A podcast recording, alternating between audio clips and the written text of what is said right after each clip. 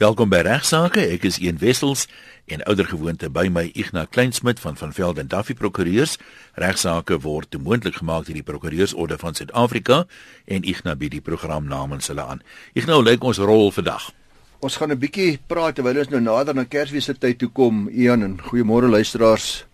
'n Bietjie praat onder andere oor hierdie ding van te veel drink by die werksfunksie. Ek het al gehoor daarvan. ja nee, ek weet mos jy sal dit jy sal net wel weet waarvan ons self nog nie ondervind nie, maar ek ja, het die ja. gerugte al gehoor. En dan wil ek bietjie gesels uh, oor 'n skryf briefie wat ek gekry het wat uh, baie oulik is van 'n man wat uh, getroud is en wat uh, besig is om 'n verkoester te raak wat die boedel baie vinnig deur die keel laat gaan of op ander maniere met verskillende slim plannetjies die boedel laat verklein. Hy gaan multi met sy vrou se kredietkaart. Die dame wil bietjie wil bietjie advies hê en as ons tyd het gaan ek bietjie praat oor polisie wat in die tronk beland, mense met hoë aansien in die polisie diens wat in die tronk beland en dan ook een van die gevalle waar uh, munisipaliteit dood eenvoudig die krag toe vir elektrisiteitstoevoer gestaak het dit het gelei na 'n redelike interessante saak wat daai het voorgevloei het wat ons almal duidelikheid gaan hê in watter omstandighede dit wel gedoen kan word veral waar ek net 'n huurder is. Nou kom ons val weg en skink ietsie. Ja, ja, 'n goeie ou vriend Piet van Piet Fourie vir my is daai prokureur daar by Berry Botha in Breitenberg gedoen na Epingeniese wêreld. Hy het my 'n nuusbrief gestuur waar daar 'n baie interessante artikel is oor alkoholmisbruik by werksfunksies. Nou uh Ian Piet en ek was saam jong manne daar by van Velden Duffy in Rustenburg en ek dink dis 'n uh, die hele kwessie van alkoholmisbruik by werksfunksies. Dis dit daar begin. Dis waarskynlik iets waaroor ons soos jong dae met redelike gesag kan gesels. Maar nou ja, ek vandag ek, ek dit sit ek spoggie daarmee nie. Dit is maar hoe dit gaan uh, by by die meeste werksfunksies veral vir die jong manne en goeie vriende. Die nuusbrief beskryf 'n werksfunksie wat baie van die luisteraars dalk al beleef het. Naamlik daar's dikwels 'n paar personeellede wat die versoeking van gratis drank net nie kan weerstaan nie en wat dan heeltemal te veel van die voggies inneem en dat tot 'n baie groot mate erg irriterend en aanstootlik raak vir al die ander gaste, die ander werknemers. Die hele gedagte natuurlik met eindjaar funksies of selfs massa vergaderings wat mense hou, is natuurlik om span te bou en om positiewe personeelbande te probeer smee en te kweek en so dan baie jammer dat alkoholmisbruik dikwels inhibisies verminder en negatiewe of onvanpaste gedrag dan uh, die gevolg is en dan die aard van die funksie is dan is, is dan ook die doel van die funksie word dan heeltemal verydel daarmee. Nou Barry Botha en Breidenbach sê dan ook dat dit dikwels ook die kultuur van 'n onderneming negatief beïnvloed. En dit is dink ek waar. Uh en gebeur dit ook van tyd tot tyd dat dit ook 'n invloed het op hoe personeellede se gades die firma en hulle funksies beheen en dit kan ek met vrymoedigheid beamoen en en sê dit is so. Want uh, sodra daar voorvalle by 'n werksfunksie is dan is daar ook ongelukkigheid by die gades wat dit nie bygewoon het nie die ander deel van die gesin.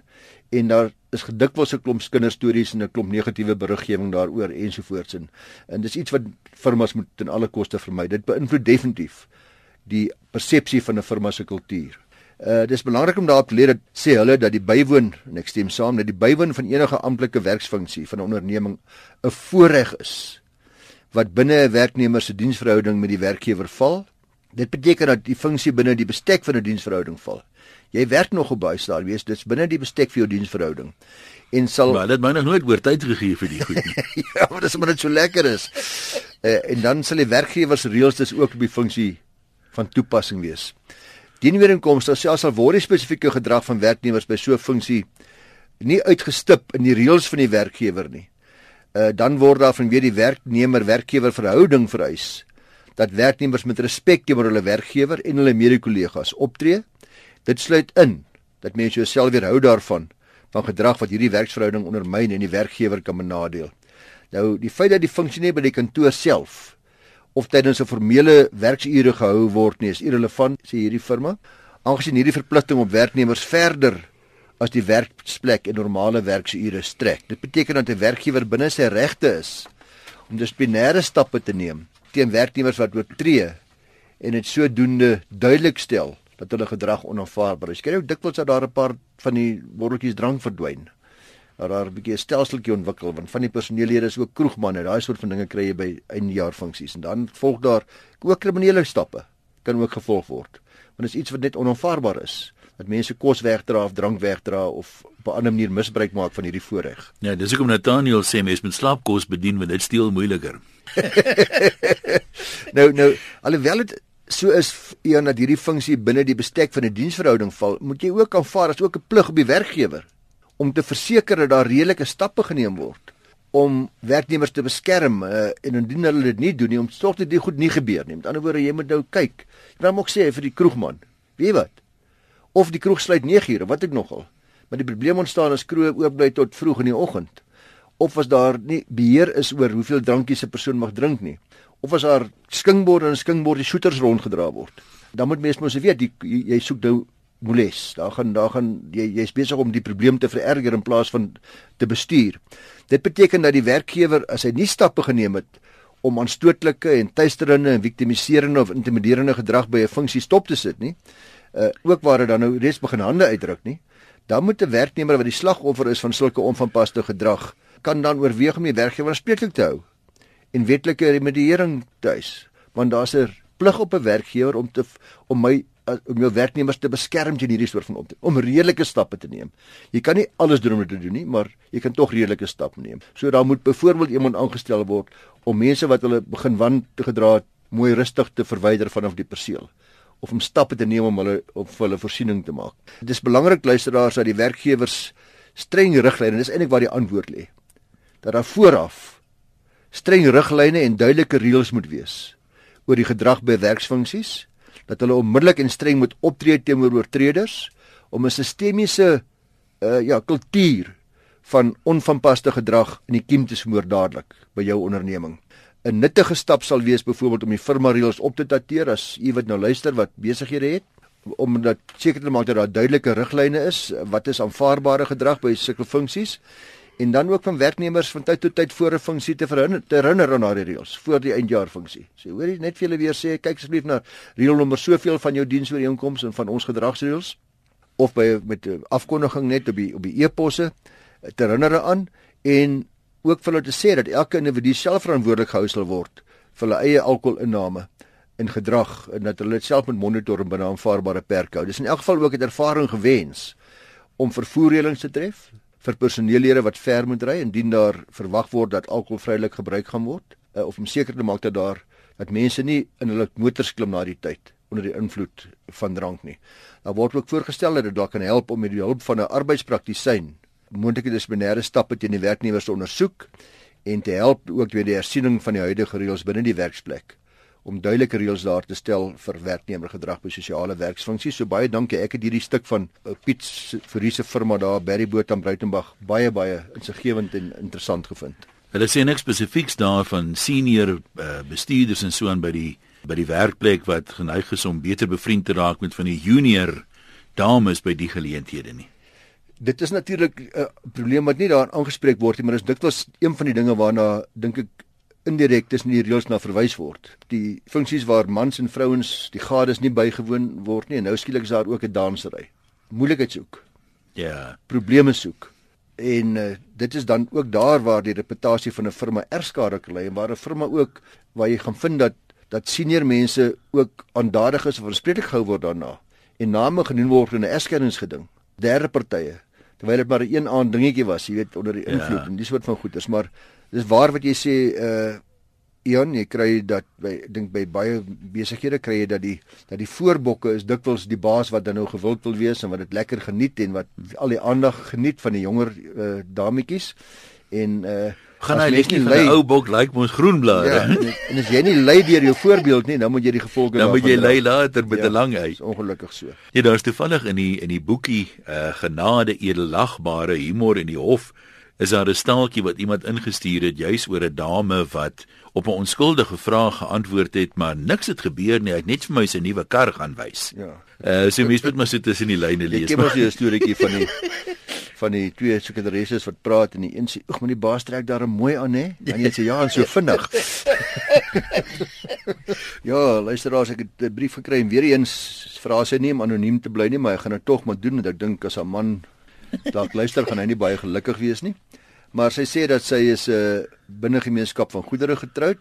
Sy en haar man het 'n gesamentlike testament. Sy sê uh, die langslewende erf die hele boedel. Hulle twee eiendomme, sy gee die waardigste van redelike waardevolle eiendom. Uh, sy verhuur die een eiendom. Sy sê sy spaar baie gereeld. Sy skuld niks meer op die een eiendom nie. Sy het 'n belegging waar ek geld waar sy al haar geld, die huurgeld wat sy kry, spaar. Haar man werk nog. Hy het ook gespaar uit en uit aandele van 'n hele klompie. Hulle is redelik welvarend as ek nou so na al haar dinge kyk. Maar sy sê nou ongeveer die laaste 18 maande, 2 jaar, is hy besig met 'n geld, sy noem dit 'n scam, geldskema. Sy sê hy het 'n het 'n e-pos gekry van 'n uh, boedel in Engeland wat bevestig dat hy die erfgenaam is. En sy sê glo dit as jy wil, hy val viervoetig vir hierdie storie. Wie hoeveel goed het ek al geërf so? Ek kan nie vir jou sê nie. Ek weet nie, dis meer as 10. Dat iemand nog so dom is om vir hierdie stories te val is my ongelooflik. Sy sê hy het, het al reeds al sy geld uit sy spaar, sy spaarrekening reeds oorbetaal. Sy betaamlik betaal om te kan erf. Aan die mense, daar's nou vier verskillende persone betrokke by hierdie kamste geboedel. Hy voel nie eers skuldig nie en hy vertel vir my en vir die kinders net leuns. Hy het al 300 000 rand by my. Hy tekenregte neem ek aan by my spaarrekening geneem. Hy al 'n ekstra lening van 100 000 rand gevat en kortliks om op te som, hy is besig om geld te verkwis Ek bekommer my dood daaroor. Ons beklei baie gereeld en hy's besig om ons hele boedel uit te mors waarvoor ek baie jare lank hard gewerk en gespaar het. Sy sê die testament is by Standard Bank en sy sê dan vra sy, dan kom die vraag, wat moet sy doen? Moet ek my eie testament laat opstel? Wat stel jy voor? Baie dankie, dis baie dringend. Nou ja, die uh, testament gaan nie, dan is hy al dood. Ja, ja. Ehm um, die probleem is is is waarskynlik soos ek dit sien 'n groter probleem uh, as 'n mens nou moet aftree en jy moet nou by rente inkomste van daai geld wat weg is leef. Dit is ongelukkig baie waar een en ek het vir Volker Kreer wat hier al was van van Vellen Duffy gevra, soos jy hy is die boedel spesialis. Hy sê die luisteraar kan te enige tyd natuurlik 'n eie testament verlei en ek kan sal dit ten sterkste aanbeveel dat sy dit doen. Sy hoef nie 'n man se toestemming hê om te doen nie. Met ander woorde, maak nie saak hoe wat of watter testamente u alles al reeds het en jy en jou man saam en waarvan hy weet of hy nie weet nie. Elke testament wat u nie gaan verlei gaan natuurlik die nuutste en die laaste in die geldige testament wees. Getroude persone sou normaalweg tot gesamentlike testament hê soos wat u nou wel verlei het waar alles netjies uiteengesit is. Maar as jy bekommerd is oor die verkwisting, dan kan u natuurlik in die eie testament uh, aanstel let wel u testament gaan net beskik oor u helfte van die gemeenskaplike boedel. Dit gaan nie die verkwisting stop nie, maar geminstens daarom seker maak dat u testament bepaal waarna toe u geld gaan. Alternatiefelik uh, as u wel wil seker maak dat hy ook nie voordeel moet word nie, gaan u waarskynlik 'n trust moet sit uh, waar die aangewese opsie sal wees om te oorweeg dat hy dan nie 'n begunstigde is nie, maar net die kinders, wie kleinkinders, wie ook nogal uh, en dat u trustees dan aanstel wat die fondse op 'n verantwoordelike wyse sal bestuur u kan ook voortgaan om die hof te nader met 'n aansoek om hom as verkwister te laat verklaar. Daar is so 'n spesifieke aksie in ons regstelsel en dit gaan gepaard met verklaringe, uh, eers verklaringe waarin u dan sê dit het gebeur en dat het gebeur en hy kan nie meer, hy het nie meer beheer sy geld nie en iemand wat hom in sulke soos u dit nou noem, luisteraar scams, sulke skemaatjies, sulke ongeldige, duidelike bedrog, bedrieglike skemas onderworpe maak, het waarskynlik al beheer verloor oor sy eie vermoë om met sy geld te werk, uh, dink ek. Maar die hof sal daaroor moet besluit. Uh maar daar's 'n goeie kans dat die hom as verkwister sal laat verklaar en dan in so 'n geval word daar 'n kurator bonus vir hom aangestel en u kan self dan vra omdat u getroud is binne gemeenskap goed is daar 'n uitstekende kans dat die hof u dan sal aanstel die dame luisteraar as kurator bonus dit beteken u gaan dan beheer hê oor die volle boedel ook sy dele en u sal dit dan selfs met slegs met u handtekening kan hanteer ook sy helfte van die gemeenskaplike boedel.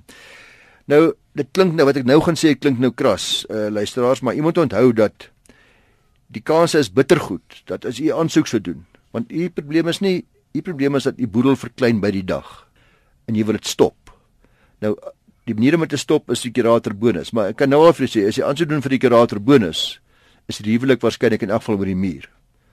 Daar gaan woede wees, daar gaan daar gaan nie begrip daarvoor wees nie, daar gaan huismoeles wees en die kans is uitstekend dat dit gaan lei tot 'n egskeiding. Soos ek die meeste mans ken, gaan hulle dit glad nie hanteer dat u dan dink dat dink dat hy 'n verkwister is en nie sy eie sake kan hanteer nie. So ou besef dit gewoonlik nie self nie. Dis of hy nie kan insien Correct. wat hy doen nie. Korrek ja, die enigste manier om jou skade te beperk is om dan te sê want u boedel gaan u boedel gaan verdeel word. U gemeenskaplike boedel soos op datum van egskeiding. En hoe langer u toelaat dat u gemeenskaplike boedel verlaag. So daar's nie vandag as ek getroud binne gemeenskap gedie, daai helfte is myne en daai helfte is hierdie huis beskou ek as myne en daai huis is joune nie. Slat nie so nie. Wat oorbly op data van egskeiding gaan verdeel word of by dood gaan verdeel word. So as jy werklik u bates wil beskerm, dan is die oplossing 'n egskeiding. Dit is te sê as u dink dat die aansoek om 'n verkwisterskap nie gaan slaag nie. Maar u sal iets drasties moet doen om die man tot ander insigte te bring. Wat dit is, is moeilik om te sê. Ek is nie 'n voorstander van 'n egskeiding nie, maar sit u hier in 'n in 'n bietjie in 'n weet nie wat Afrikaans vir catch 22 is nie. Jy sit in 'n ja. tussen twee vure hier. 'n Predikament. Ja, jy sit tussen twee. Ek nou die prakties gesproke. Kom ons kom ons kyk na die verko verkwister aansoek. Ek kan my indink dat so jy moet tog die stukke nou op hom beteken seker. Korrek. Maar gewoonlik dan totdat die bevel gemaak word, gaan daar nou 'n maand of 2 verloop. Is dit nie 'n rooi vlag vir so ou om nou soveel as moontlik te onttrek en weg te steek en wat te doen nie want hy Hy weet mos nou wat kom nie. Is daar 'n manier hoe mens dit kan stop? Ja, die enigste wyse is as jy dink daar's so moontlikheid en as jy sekerlik reg een is om uh, die saak as 'n dringende saak te beskou. Hierdie is 'n gewone aansoek. Dis nie 'n aksie nie, dis 'n aansoek wat jy by die hof loods en jy kan vir die hof daarop wys dat uh, die gewone aansoekprosedure wat weer 'n uh, maand of 2 gaan duur baie erg nadelige gevolge hê en daarom vry hy dat die bevel met onmiddellike krag in werking tree met 'n keerdata waarop hy kan sê hoekom die bevel nie finaal gemaak kan word nie. So dis praat ons van 'n tussentydse bevel. 'n Gebiedende interdik wat 'n tussentydse bevel is. So die hof sê meneer van vandag af. Aan ander woorde wat gebeur is is word nou 'n eksperte bevel. Ek gaan hof toe en ek sê hof dit en dit en dat gebeur. Ek vra 'n bevel van vandag af dat my man nie meer met hierdie rekeninge mag werk nie, dat hierdie rekening uh, opgevries word, bevries word, dat hierdie rekening opgeskort word, dat uh, dit en dat wat ek nog jy mag vra en dat hy oor 3 weke dat dit op beteken word, hy oor 3 weke dan kom antwoord in die hof hoekom hierdie bevel nie finaal gemaak moet word. En dat hy kom redes voer, sê hoorie, my vrou praat ek om twak. Hier's my eetsverklaring. Hier's 'n bewys dat sy eintlik 'n alkoholprobleem het of dat sy wat ek nog al dit mag wees of dat sy uh skizofreen is of wat sy een of ander ander siekte het wat haar aan vervolgingswaansin laat lei. So dat ten minste vir die 3 weke kan hulle nie onttrekkings kan daar geen onttrekkings wees nie. Uh en dit is daar so daar is 'n proses waar volgens jy jy skade wat jy kan uh, nou genoem het kan beperk hier. Ja, ons het kans dink ek vir nog een onderwerp vandag. Ek gaan nog u vertel van 'n polisiekolonel wat wapens verkoop het aan bendes en vir 'n baie lang tyd tronk toe gestuur is. En ek het 'n koerantberig ontvang van 'n luisteraar wat vir my vertel het van 'n polisiekaptein wat onlangs 15 jaar tronkstraf gekry het. En ek wil graag deel met ons luisteraars want ek glo dat hierdie tipe strawwe wat aan die wetstoepassers opgelê word, so wyd as moontlik gekommunikeer moet word aan die gemeenskap sodat ander lede van die polisiemag en van die wetstoepassers ook moet weet wat op hulle wag en dien, dien hulle nie vir ons as 'n voorbeeld dien betrekking tot die bekamping van misdaad in plaas van die pleeg van misdaad. Ek sien dikwels dat sulke berigte word op die binneblaaie van koerante gepro gepubliseer uh en berigte waar mense wat met dwelms werk of renoster stroop of wat ek nogal goed wat ons elke dag verskriklik bekommerd maak dat hoe die howe met hulle handel dikwels nie voorbladnuus is nie. Ja, voorbladnuus is die bekende aktrise is verloof. Ja, en die jammerte is dat dat die afskrikwaarde van vonnisse behoort reeds vir my bedryf voorbladnuus te wees sodat mense kan sien. Moenie dit doen nie, dit dit's wat met jou gaan gebeur en maak nie saak of jy 'n polisieman is En of jy dink jy is so belangrik nie of jy die burgemeester is of wie ek nogal nie, dis my belangrik dat sulke mense ook aan die pen ry. In hierdie geval was dit weer so indirekte geval van padwoede, uh, want twee mense het beklei oor 'n parkeerplek by 'n vulstasie. Nou ja, uh, jy het seker al daai gevoel gehad as jy by die plek pad by die parkeerplek wil inry en 'n ander zip so vinnig voor jou in. Meneer Larry Heslop en meneer Michael Bruce albei in hulle 40's het uh, volgens die media berig verlede jaar by 'n fulstasie in Windworth, Windworth daar in Durban probleme gehad toe hulle by dieselfde parkeerplek wou intrek. Daar was uiteindelik deur Heslop op Bruce geskiet. Hmm. Waarna Heslop toe nou weggery het en Bruce het gelukkig die herstel van die skietwond. Heslop is uiteindelik vasgetrek in die Landdroshof in Durban as hy skuldig bevind aan poging tot moord, asook die onwettige besit van vuurwapens en ammunisie. Nou hy 10 jaar tronkstraf gekry op die aanklag van poging tot moord en 5 jaar op die vuurwapen. Dis weer net wysbaar hoe belangrik dit is dat u nie moet onwettige vuurwapens en ammunisie nie besit nie. 5 jaar direkte gevangenisstraf gekry. Hy staan terloops ook tereg in dieselfde hof vir soortgelyke aanklagte vir spruit en uit 'n ander voorval. Nou die belangrike feit hier is hy's 'n oud kaptein in die polisie en dit was natuurlik verswarend. Ja, beslis. Omdat 'n kaptein uiteraard veronderstel is om die vuurwapenwetgewing goed te ken en goed te begryp en soveel te meer versigtig moet wees in die hantering van daardie vuurwapen en des te meer nie betrokke behoort te wees by onwettige besit daarvan nie en die gebruik daarvan op die wyse wat dit hier gebruik was in 'n padwoede voorval nie. Nou op die stadium van die voorval moet ek sê was hy nie meer in diens nie en was hy volgens die polisie reeds in 'n interne proses afgedank. Maar 'n uh, belangrik luisteraars dat daar is mense wat werklik waar baie lank in die tronk sit vir dinge wat hulle doen in 'n onbesonde oomblik. Ek hoop maar net weer daar's ook baie ander van ons wetsoepassers wat na hierdie program luister. Ek weet toevallig daar is baie wat hierna luister en dat hulle ook weer net opnuut besef dat hulle vir hulle kollegas hierdie soort van hofsaake onder die aandag moet bring. Nou jy iets wat baie kort is nog daar. Luisteraars, ek dink baie van ons wonder soms wat gebeur met die vuurwapens. Wil ek nou van onwettige vuurwapens gepraat het wat by die polisie ingehandig word deur talle Suid-Afrikaners en dan vernietig te word. Nou van tyd tot tyd is daar beweringe dat sommige vuurwapens in die hande beland van ongewenste elemente, in hande van misdadigers. Op 21 Junie 2016 het die media berig dat ene Christian Prinsloo, uh dis wat ek nou net van gesê het wat ek wat ek wou van vertel. Ja, ja. 'n voormalige polisiekolonel in Streekhof in Belwel effektief vir 18 jaar tronk toegestuur is. Hy is van vereniging en het skuld bekend op 11 aanklagte van onder meer rampokkery, korrupsie, geldwasery, diefstal, onwettige besit van vuurwapens en ammunisie en belangrik, dis wat ek nou vir u wil noem hier, ook die verkoop van ammunisie en vuurwapens en onderdele van vuurwapens aan mense wat nie daarop geregtig was nie. Volgens die media het die hof onder andere gehoor dat kolonel Prinsloo en 'n kollega wat saam met hom by die polisiekantoor gewerk het in 2006, besef het dat hulle op 'n goudmyn sit. Want dit is by die polisiestasie waar hulle gewerk het waar die verbeurde vuurwapens geberg was. Die ingehandigde vuurwapens. Hulle het vanaf 2007 tot Januarie 2015 toe Prins dood eintlik in hegtenis geneem is, vuurwapens aan bendes in die Wes-Kaap en elders in die land verkoop. Hulle het in die hof toegegee dat nie daarmee so ophou as dit was dat hulle gevang was nie. Nou weet dit is net skreiend. Ek bedoel hier sit hy met die polisiekolonel. Die Beeldkoerant berig dat die staat ook op sowat 1,2 miljoen van Prins 1,2 miljoen rand van Prinsloo beslag gelê het dat hy gesê het dat hy ongeveer 2 miljoen rand uit die verkope van vuurwapens gemaak het. Nou ek glo elkeen van ons en almal wat luister sal saamstem dat ons samelewing werklik kan doen sonder korrupte polisieoffisiere en dan veral nog een wat gevaarlike wapens waarmee mense doodgemaak word aan bendes verkoop. Terwyl hy deeglik bewus is van die erg nadelige en potensiële nadelige gevolge van so handeling en dit alles net vir finansiële gewin, net gierigheid.